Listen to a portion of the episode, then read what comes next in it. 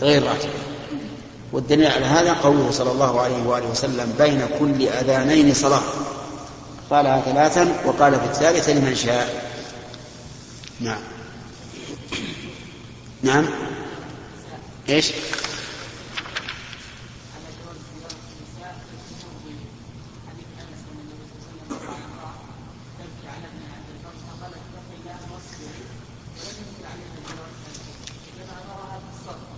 نعم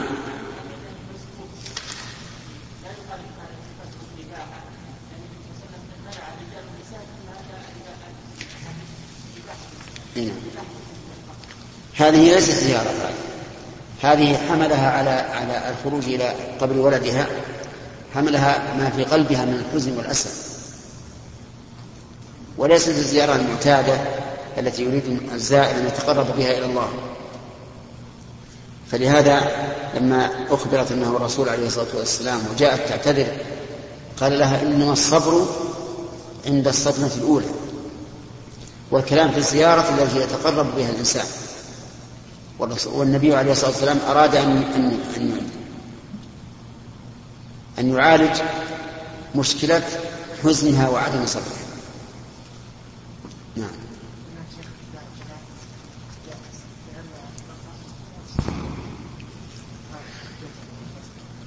لا لا لا. لا ما هو جائز. مكروه لكن منهي عنه لكن ليس حرام. نعم. أما ذكرنا بعض العلماء قال إنه حرام لأن الأصل في النهي التحريم وقول المعطية ولم يعزم علينا هذا تفقه منه. نعم؟ فلا عبرة به. العبرة بالنهي الثابت عن الرسول عليه الصلاة والسلام. أما قوله ولم يعزم علينا فلا عبرة به. وهذا كقول أنس بن مالك أن الرسول لما رأى الكسوف خرج فزعا يخشى أن تكون الساعة. فقول يخشى أن تكون الساعة هذا من ظن منه لكن هل الرسول في قلبه يخشى أن تكون الساعة؟ قطعا لا يخشى أن تكون ساعة القيامة لأن ساعة القيامة لا أشراط تتقدمها. نعم يمكن أن أن يخشى أن تكون ساعة العذاب. ومع ذلك ما ما نجزم بما قاله الصحابة. إيش؟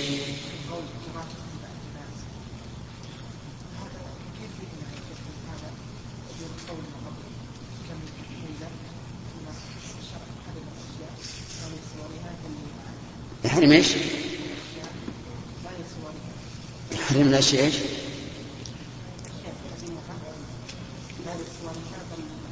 نعم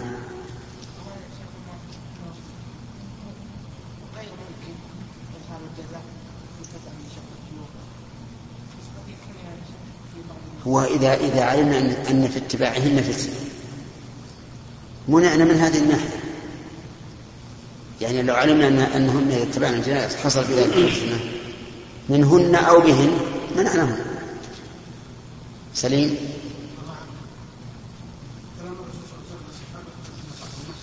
ها؟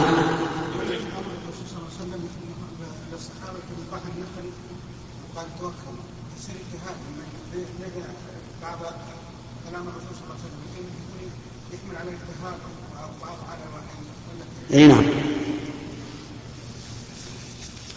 يحمل على هذا أحيانا يقول الشيء اجتهادا أو يفعله اجتهادا ثم إن سكت الله عز وجل عنه وأقره صار له حكم العبادة إن كان عبادة أو الإباحة إن كان غير عبادة وإن بين الله له الحكم بينه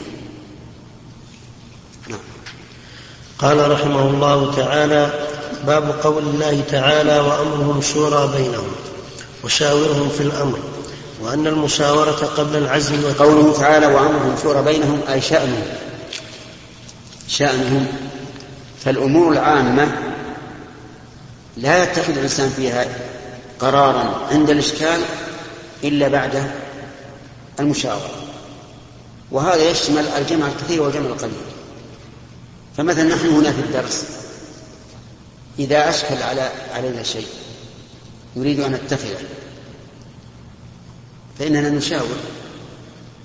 لكن إذا علمنا المصلحة في شيء فإننا لا نشاء كذلك في الحكم العام. ولي الأمر السلطان والأمير والوزير وغيره. إذا تبين لهم الأمر فلا حاجة للمشاورة. وإلا فلا بد من المشاورة. يجب أن أن يكون يجب أن يشاور. لأن الله أمر الرسول قال شاورهم في الأمر وهو أسد الناس رأيا. ولأن الإنسان قد يخطئ وحين ويكون إثم الخطأ عليه. ولأن الإنسان إذا استبد بالأمر كرهه كرهته الرعية حيث يستبد فيما لا يتبين صلاحه. أما ما تبين صلاحه فالأمر فيه واضح لا حاجة للمشاورة ولهذا لم يكن من هدي الرسول عليه الصلاة والسلام أن يشاور كل أحد. أن يشاور في كل قضية. إنما يشاور في إيش؟ في الأمور التي تعرض ولا يتبين له فيها شيء.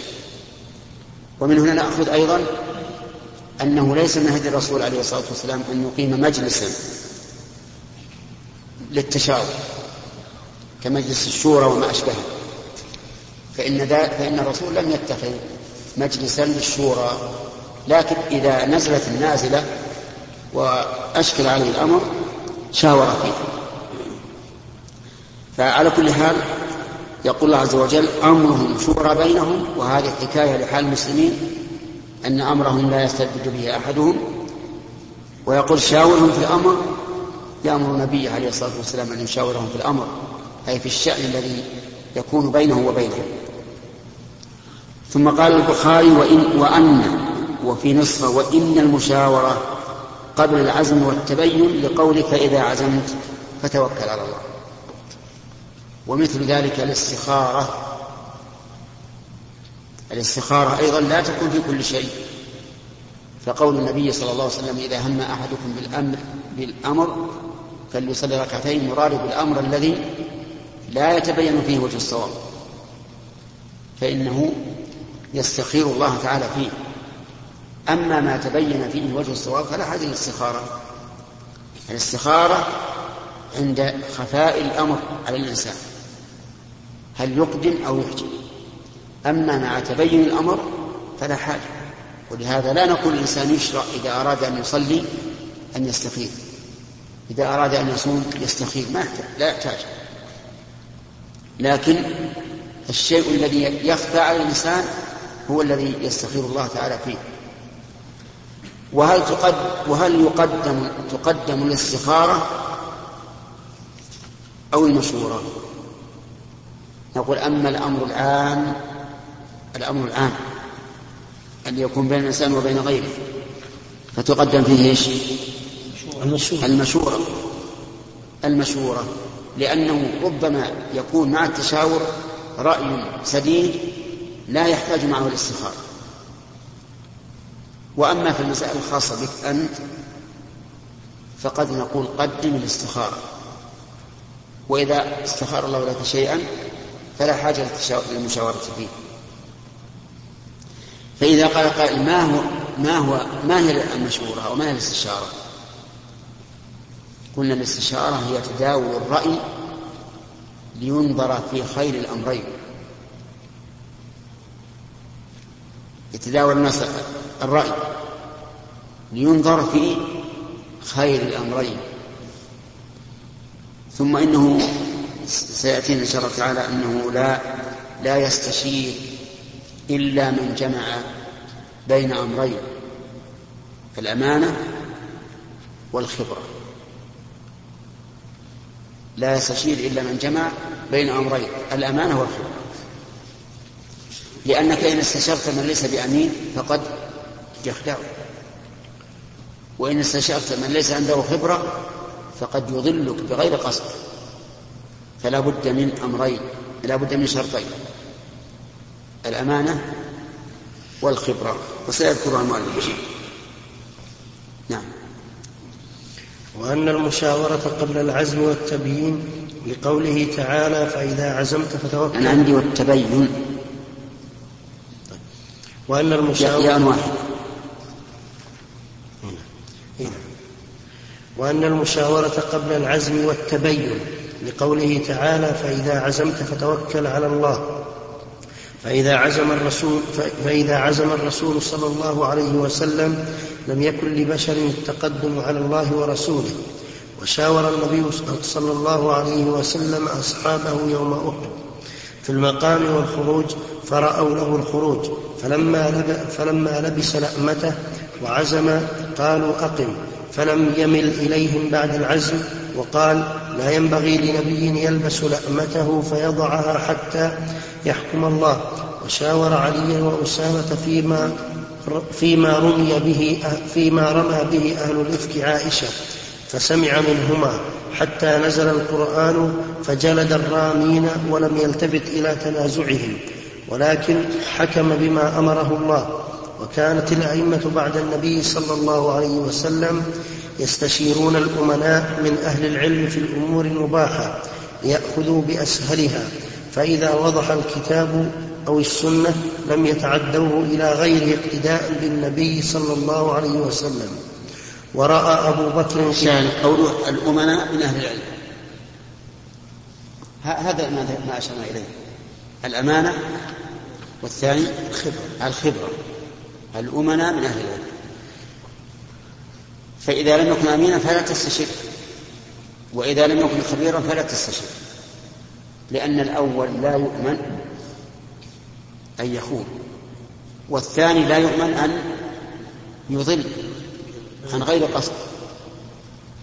ثم أن الخبرة في كل موضع بحسب إذا كنت تريد أن تسافر إلى بلد ما. فمن من صاحب الخبرة فيها؟ هو العالم المجتهد المحدث الأصولي. لا. ها. من؟ من عرف البلد. من عرف البلد ولو كان من أجهل الناس في علم, في علم الشرع. وإذا كنت تريد أن تستشير شخصا في أمور شرعية فعليك بأهل العلم بالشرع. فالمهم أن علم كل شيء بحسب. لكن لا بد من العلم الخبرة ولا بد من الأمانة. نعم. ورأى أبو, ورأى أبو بكر قتال من منع الزكاة فقال عمر كيف تقاتل وقد قال رسول الله صلى الله عليه وسلم أمرت أن أقاتل الناس حتى يقولوا لا أمرت أن أقاتل الناس حتى يقولوا لا إله إلا الله فإذا قالوا لا إله إلا الله عصموا مني دماءهم وأموالهم إلا بحقها وحسابهم على الله. فقال أبو بكر والله لأقاتلن من فرق بين ما جمع رسول الله صلى الله عليه وسلم ثم تابعه بعد عمر فلم يلتفت أبو بكر إلى مشورة إلى مشورة إذ كان إذ, إذ كان. فلم يلتفت أبو بكر إلى مشورة إذ كان عنده حكم رسول الله صلى الله عليه وسلم في الذين فرقوا بين الصلاة والزكاة وأرادوا تبديل الدين وأحكامه. وقال النبي صلى الله عليه وسلم من بدل دينه فاقتلوه. وكان القراء وأصحاب مشورة عمر كهولا كانوا أو شبانا. وكان وكان وقافا عند كتاب الله عز وجل. yeah. كل هذا واضح وما في إشكال. عمر رضي الله عنه كان يجمع الناس ويستشيرهم بالأمر إذا نزل به وهو لم يتبين له فيه الصواب سواء كانوا كهولا أو شبانا حتى كان يجمع إلى الكهول عبد الله بن عباس رضي الله عنه وهو صغير. فقال بعض الأنصار كيف يدعو عبد الله بن عباس ولا يدعو ابناءنا يعني إنه صغير. فامتحنه رضي الله عنه ذات يوم. وقال لهم ما تقولون في قول الله تعالى إذا جاء نصر الله والفتح ورأيت الناس يدخلون في دين الله افواجا فسبح بحمد ربك واستغفره إنه كان توابا. قالوا إن الله أمر نبيه إذا جاء النصر والفتح أن يستغفر. ويسبح بحمد ربه. فقال ما تقول ابن عباس؟ قال أقول هذا أجل رسول الله صلى الله عليه وسلم. يعني أن الله أمره إذا جاء نصر الله والفتح أن يختم حياته بالتسبيح والاستغفار لأن رسالته ختمت بذلك. فقال هكذا فهمت. فتأمل هذا الصغير كيف كان أعلم بالمقاصد من هؤلاء الكبار. فحينئذ اقتنع الأنصار الذين كانوا يترضوا اقتنعوا ورأوا أن ابن عباس رضي الله عنهما أهل بأن يكون في مجالس العلماء. نعم. حدثنا الأويسي قال حدثنا إبراهيم بن سعد عن صالح عن ابن شهاب قال حدثني عروة بن المسيب وابن المسيب وعلقمة بن وعلقمة بن وقاص وعبيد الله. عن عائشة رضي الله عنها حين قال لها أهل الإفك ما قالوا. قالت ودعا رسول الله صلى الله عليه وسلم علي بن أبي طالب وأسامة بن زيد رضي الله عنهما حين استلبث الوحي يسألهما وهو يستشيرهما في فراق أهله. فأما أسامة فأشار بالذي يعلم من براءة أهله وأما علي فقال لم يضيق الله عليك والنساء سواها كثير. وسل الجارية تصدقك. فقال هل رأيت من شأن هل رأيت من شأن من شيء. هل رأيت هل رأيت من شيء يريبك؟ قالت ما رأيت أمرا أكثر من أنها جارية من أنها جارية حديثة السن. تنام عن عجين أهلها فتأتي الداجن فتأكله. فقام على المنبر فقال يا معشر المسلمين من يعذرني من رجل بلغني أذاه في أهلي والله ما علمت على أهلي إلا خيرا. فذكر براءة عائشة وقال أبو أسامة عن هشام. نعم.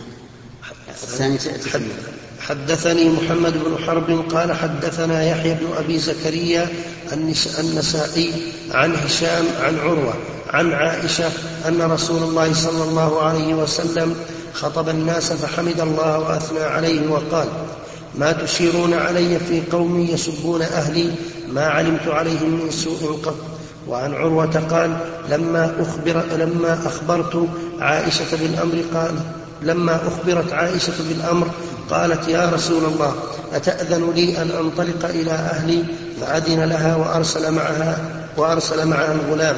وقال رجل من الأنصار سبحانك ما يكون لنا أن نتكلم بهذا سبحانك هذا بهتان عظيم.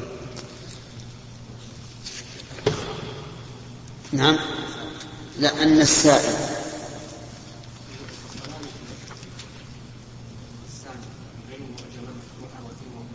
بغير.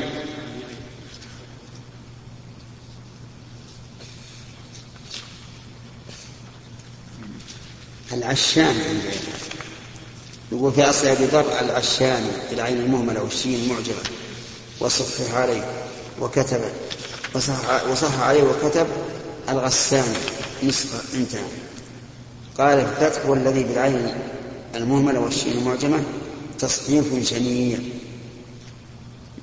العشان.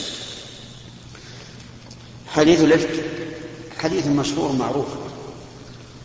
أنزل الله سبحانه وتعالى في قصة الإفك عشر آيات لعظمه وشدة وقعه على المسلمين إلى يوم القيامة. والذي تولى كبر هذا الأمر هو عبد الله بن أبي بن سلول. هو الذي تولى كبره وأشاعه وأذاعه وصار يمشي به في الناس. لا من أجل أن عائشة رضي الله عنها يحصل منها هذا الشيء ولكن من أجل تدنيس فراش النبي صلى الله عليه وآله وسلم. هذا أهم شيء أن يكون هذا النبي الذي اصطفاه الله عز وجل يكون والعياذ بالله على الوصف الذي يريده عبد الله بن أبي. ولكن أنزل الله تعالى في ذلك عشر آيات من كتاب الله. وقال إن الذين جاءوا بالإفك عصبة منكم. لا تحسبوه شرا لكم بل هو خير لكم. جاءوا بالإفك. جاءوا به من عند أنفسهم. وإلا فلا حقيقة للأمر أصلا. لا تحسبوه شرا لكم كما يتبادر للذهن بل هو خير لكم. وصدق الله عز وجل في أنه صار خيرا لعائشة وللنبي صلى الله عليه وسلم إلى أن تقوم الساعة.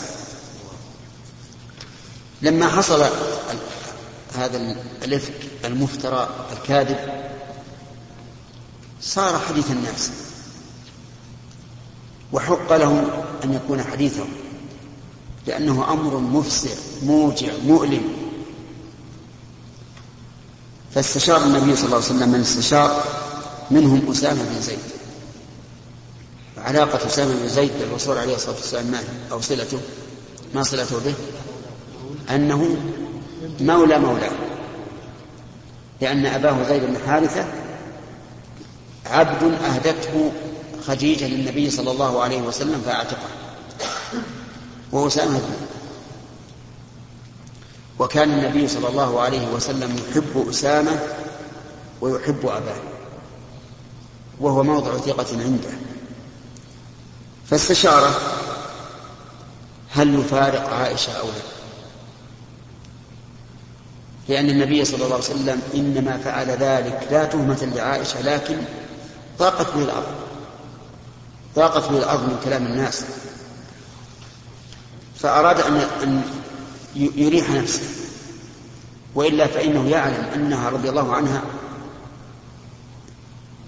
أعظم الناس براءة مما رميت به. لكن تعرفون الإنسان إذا كان في المجتمع كلهم يخوضون في أهله ولو كان يعلم براءتهم فسوف يريد أن إيش؟ يتخلص. لكن أسامة رضي الله عنه أشار بالذي يعلم من براءة أهله. أسامة أشار بالذي يعلم من براءة أهله وقال إنها بريئة وأثنى عليها بما تستحق. أما علي فلأن ما يصيب النبي صلى الله عليه وسلم من قدر يصيبه هو. لماذا؟ لأنه ابن عمه. لأنه ابن عمه. فعرض رضي الله عنه أن يطلقها النبي صلى الله عليه وسلم. وقال لن يضيق الله عليك والنساء سواها كثير. ومع ذلك أراد أن يبرد الأمر على رسول الله صلى الله عليه وسلم. ويهون. الأمر ويبعد عن الرسول عليه الصلاة والسلام ما كان في قلبه من الضيق. قال سل الجارية تصدق تصدق الجارية بريرة. يعني اسألها وش تنقم على عائشة رضي الله عنها. فسأل الجارية فقالت ما تسمعون. قال ما رأيت ما قالت ما رأيت أمرا أكثر من أنها جارية حديثة السن لما مات الرسول عليه الصلاة والسلام لها 18 سنة. وحديث الإفك لها حوالي 14 سنة.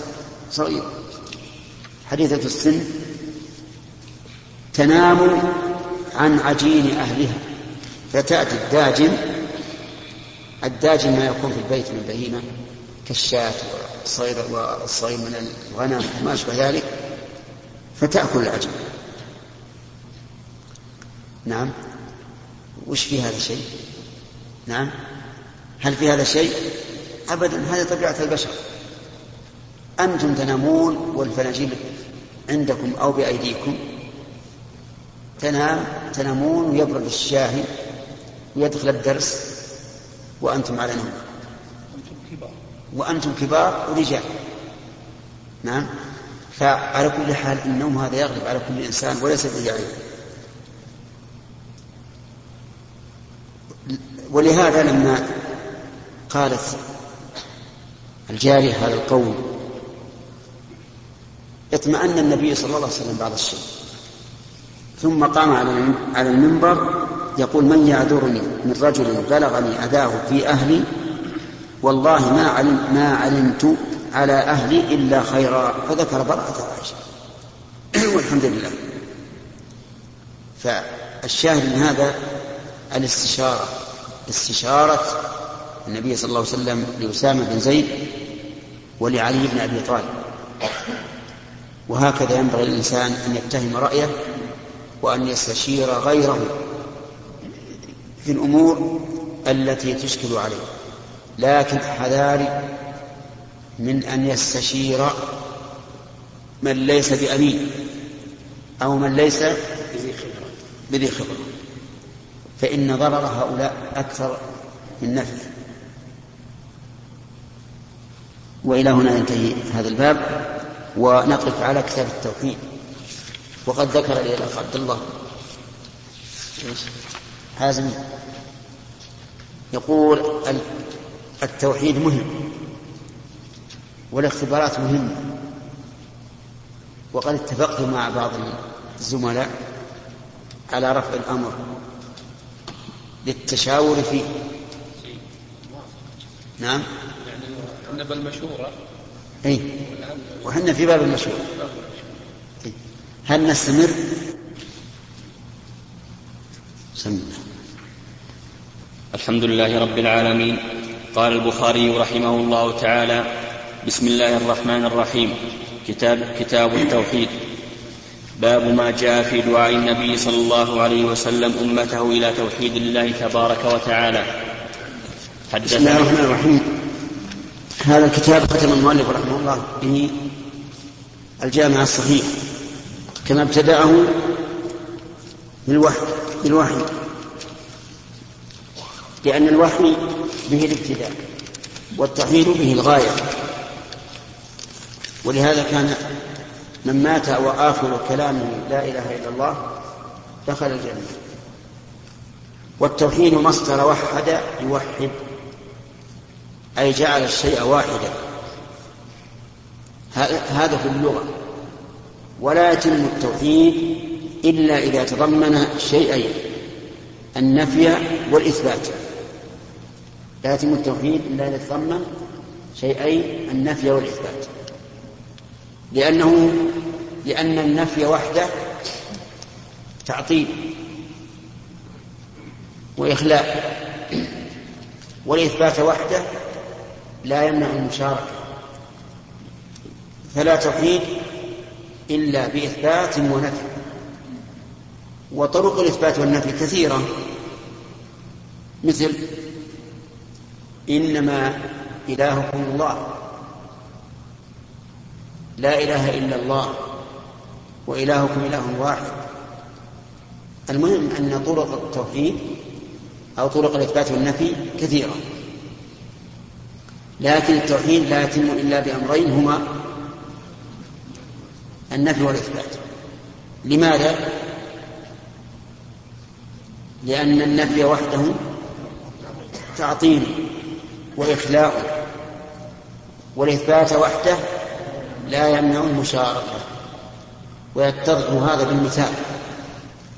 فإذا قلت لا لا قائمة في البيت هذا نفي. معناه انتفى القيام عن البيت. انتفى القيام عن من في البيت. وإذا قلت زيد قائم هذا إثبات. ولا يمنع أن يكون غيره قائم أيضا. وإذا قلت لا قائم في البيت إلا زيد هذا نفي وإثبات. يتضمن قيام قيام زيد وعدم مشاركة غيره له في ذلك. المثال مرة ثانية. لا قائم في البيت.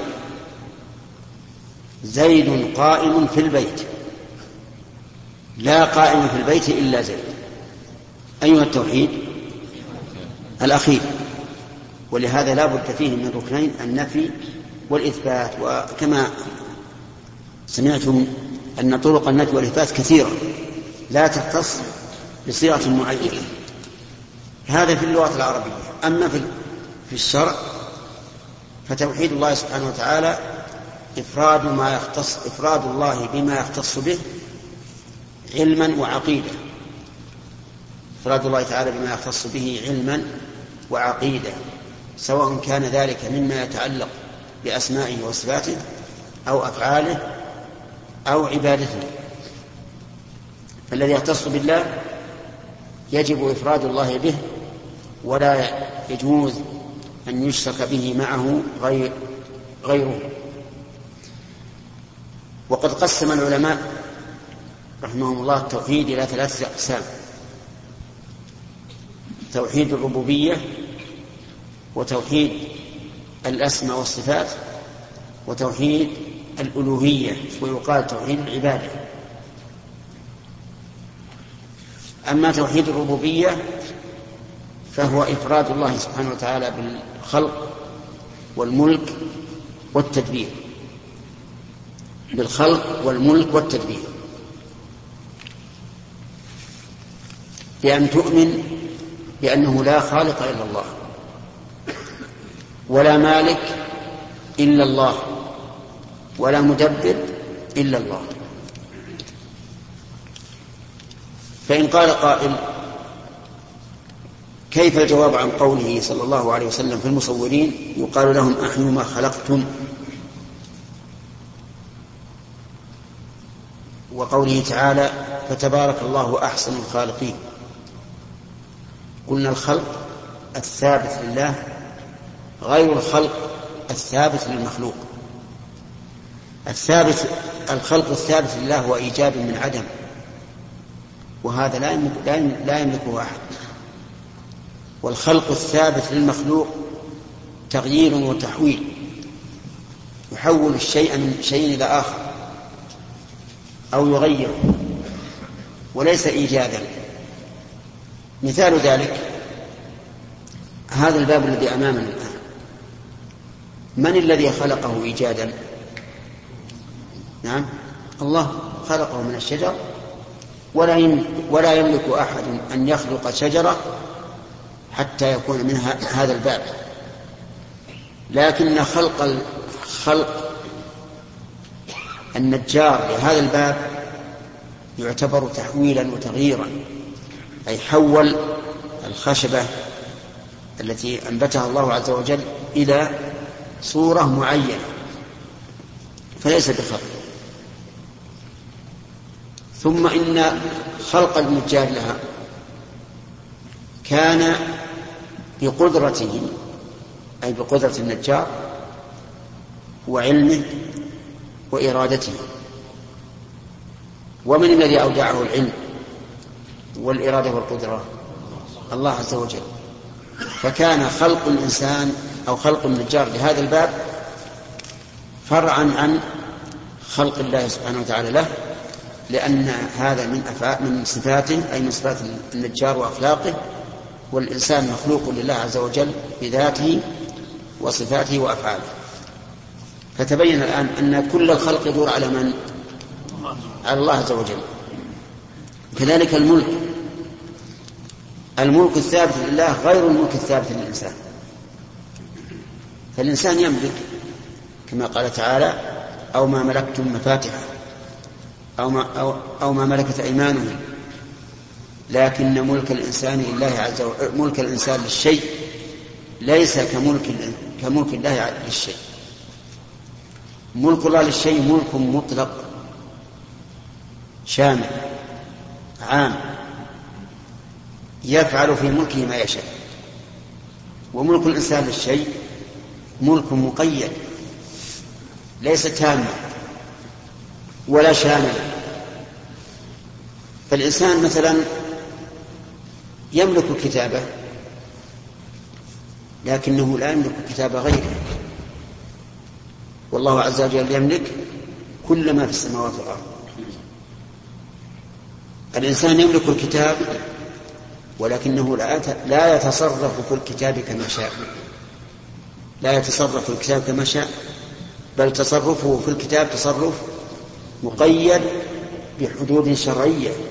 ولهذا لو أراد أن يحرق هذا الكتاب لغير سبب شرعي لمنع منه. ولو كان ملكه تاما لكان يفعل ما يشاء. الإنسان يملك البعير. فهي له يركبها وينتفع بها ينحرها ويأكلها. لكنه لا يملك أن يعذبها. لو أراد أن يحفر في ظهرها جرحا لم يمكن من ذلك. والله عز وجل يملك هذا أو لا؟ يملك هذا يخرج غدة في, في ظهر البعير تنجرح. وتتألم البعير منها وربما تموت. إذا تبين أن الملك الثابت للخالق ليس كالملك الثابت للمخلوق. كذلك في التدبير. الإنسان له تدبير في ملكه يدبر. يقول لولده افعل كذا ولولد الآخر افعل كذا ويوجه. لكن التدبير المطلق لمن؟ لله وحده. فالله عز وجل يدبر كما يشاء على ما تقتضي حكمته ولا معقب لحكمه بخلاف الإنسان. وبهذا تبين انفراد الله سبحانه وتعالى بالخلق. والثاني الملك. والثالث التدبير. توحيد الأسماء والصفات من تمام توحيد الربوبية في الحقيقة. لكن نص العلماء عليه لوجود الخلاف فيه بين أهل القبلة. من أهل القبلة؟ أي المسلمين. فلذلك جعلوه قسما مستقلا. وإلا فإنه يتعلق بذات الرب فهو من تمام الربوبية. لكن نظرا إلى أن أهل الملة اعني الأمة التي تستقبل القبلة الواحدة اختلفوا فيه جعلوه قسما مستقلا بذاته. ما هو توحيد الأسماء والصفات؟ إفراد الله سبحانه وتعالى بأسمائه وصفاته بحيث نثبتها له إثباتا بلا تعطيل وتنزيها نعم إثباتا بلا تمثيل وتنزيها بلا تعطيل. أي نثبتها لله على وجه لا يماثل ما للمخلوقين من ذلك. مثال اليد. لله عز وجل يد. وللمخلوق يد. لكن يجب أن نوحد الله بيده. بحيث نثبت له يدا لا تماثل أيدي المخلوق. لأنك لو جعلت يد المخلوق مثل يد الله أو يد الله مثل يد المخلوق كنت بذلك مشركا. فتوحيد الأسماء والصفات إثبات ما أثبته الله لنفسه من الأسماء والصفات من غير تمثيل لها بما للمخلوق من ذلك. فقد يسمى الإنسان العزيز كما قال تعالى وقالت امرأة العزيز والله تعالى سمى نفسه بالعزيز. لكن هل العزيز الذي سمي به البشر كالعزيز الذي سمي به الله؟ الجواب لا. يختلف.